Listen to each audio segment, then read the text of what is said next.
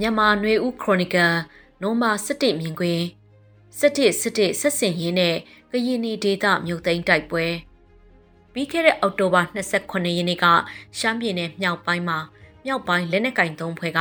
10နှစ်ခွန်စစ်စင်ရေးလို့အမိပေးထားတဲ့ထိုးစစ်တရက်စတင်ပြီးသတင်းနှစ်ပတ်ခန့်အကြာမှာကရင်နီဒေတာမှာ KNDF ကရင်နီအမျိုးသားများကာကွယ်ရေးတပ်က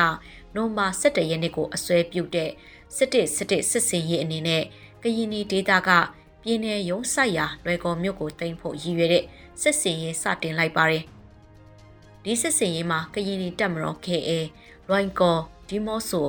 ရှမ်းတောင်ကာကွယ်တပ်တို့လိုမြို့အလိုက်ဖွဲ့ထားတဲ့ PDF တပ်ဖွဲ့တွေလည်းပါဝင်ကနိုဝင်ဘာ17ရက်နေ့နံနက်ကစတင်တိုက်ခိုက်ခဲ့တဲ့တိုက်ခိုက်မှုတွေမှာ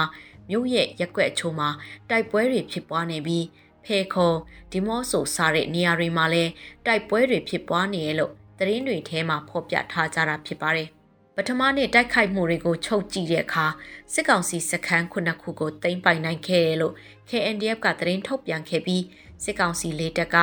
တိုက်လေရင်တစင်းဖရိုဆိုမြို့နယ်ထဲပြစ်ကျခဲ့တဲ့သတင်းကလည်းယနေ့သတင်းတွေထဲထိတ်တန်းသတင်းတပုတ်ဖြစ်လာခဲ့ပါတယ်။ KNDF ဘက်ကတော့စစ်ကောင်စီတိုက်လေရင်ကိုပြစ်ချခဲ့တာလို့ပြောဆိုထားပြီးစစ်ကောင်စီကိုထောက်ခံတဲ့ ဝါရဖြန့် Telegram တွေကတော့စစ်ချို့ယွင်းလို့ပြက်ကျခဲ့ရမှာတိုက်လေမှုနှစ်ဦးက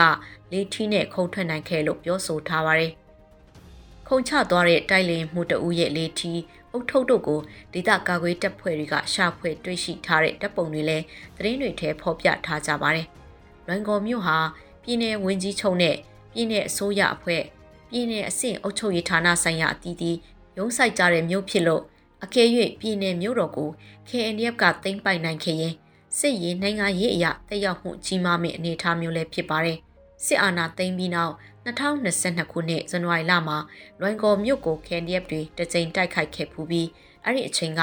လွိုင်ကော်မြို့ပေါ်ကလူတောင်းတဲ့ချီရှမ်းပြည်နယ်တောင်ပိုင်းဘက်ကိုထွက်ပြေးတိမ်းရှောင်ခဲ့ကြရတဲ့အဖြစ်ပြက်လည်းရှိခဲ့ပြီး2022ခုနှစ်ဇန်နဝါရီလကလွိုင်ကော်မြို့သိမ်းဖို့ရည်ရွယ်ချက်ကမအောင်မြင်ခဲ့ပါဘူး။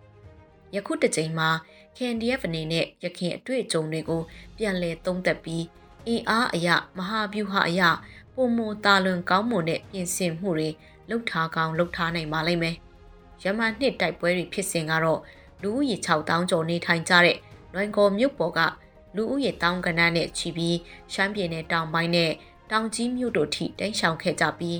အခုတစ်ကြိမ်မှာတော့မြို့ပေါ်ကထွက်ပြေးတိမ်းရှောင်ကြတဲ့သတင်းတွေသိမတွေ့ရသေးပါဘူး။ စစ်ကောင်စီဘက်ကလည်း၎င်းတို့ရဲ့ပြည်내အုပ်ချုပ်ရေးနဲ့အရက်ဖက်ဌာနဆိုင်ရာတာဝန်ရှိသူတွေကိုဘယ်လိုညွှန်ကြားချက်တွေထုတ်ထားသလဲဆိုတာတိတိကျကျမသိရှိရပါဘူး။ KNDF အနေနဲ့အခုတိုက်ပွဲကလူအင်အားရောဆက်လက်နဲ့ခဲယမ်းတွေတာမန်တိုက်ပွဲတွေထက်ပိုအသုံးပြုရမှာဖြစ်ပြီးမြို့ကိုသိမ်းယူနိုင်ခဲ့ရင်ဘလို့အစီအမံတွေနဲ့ဆက်လက်ထိန်းသိမ်းအုပ်ချုပ်မလဲဆိုတဲ့အထိပြင်ဆင်ထားကြဖို့လိုအပ်မှာဖြစ်ပါတယ်။ ကရင်နီဒေသမှာတိုက်ပွဲတွေဖြစ်ပွားနေချိန်မှာပဲမြန်မာနိုင်ငံအထက်ပိုင်း KIA နဲ့ကောလင်း PDF တွေသိမ်းယူထားတဲ့ကောလင်းမြို့ကိုလည်းစစ်ကောင်စီတပ်တွေကပြန်လည်သိမ်းယူဖို့ကြိုးပမ်းတဲ့လှုပ်ရှားမှုတွေလှုံ့ဆော်နေတာဖြစ်ပါတယ်။ကောလင်းမြို့ဟာခရိုင်မြို့တစ်မြို့ဖြစ်ပြီးမကြာခင်ရပ်ပိုင်းအတွင်းကမှ PDF တွေကသိမ်းယူခဲ့ပြီးကောလင်းမှာစစ်ကောင်စီရဲ့အုပ်ချုပ်ရေးတွေအားလုံးရပ်ဆိုင်းသွားခဲ့ပြီးဖြစ်ပါတယ်။ ရဲစခန်းတွေခရိုင်အထွေထွေအုပ်ချုပ်ရေးရုံးတွေအားလုံးကို PDF တပ်ဖွဲ့တွေကသိမ်းယူခဲ့ကရဲစခန်းမှာချုပ်နှောင်ထားတဲ့အချုပ်သား90ကျော်ထဲက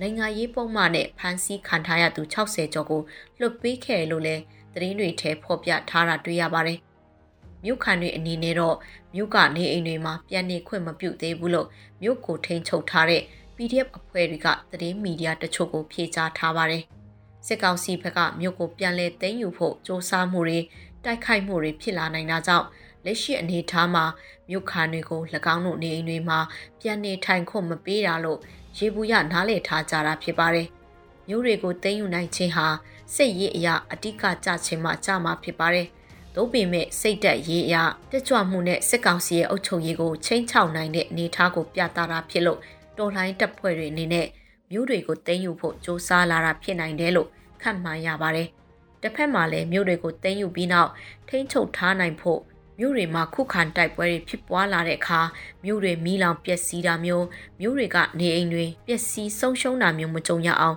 ဘလို့ကြိုတင်ကာကွယ်ပြင်ဆင်ကြမလဲဆိုတာလဲလက်တွေ့ဖြေရှင်းရမယ့်ပြဿနာတစ်ရက်ဖြစ်တယ်လို့မြို့ခံတွေအနေနဲ့၎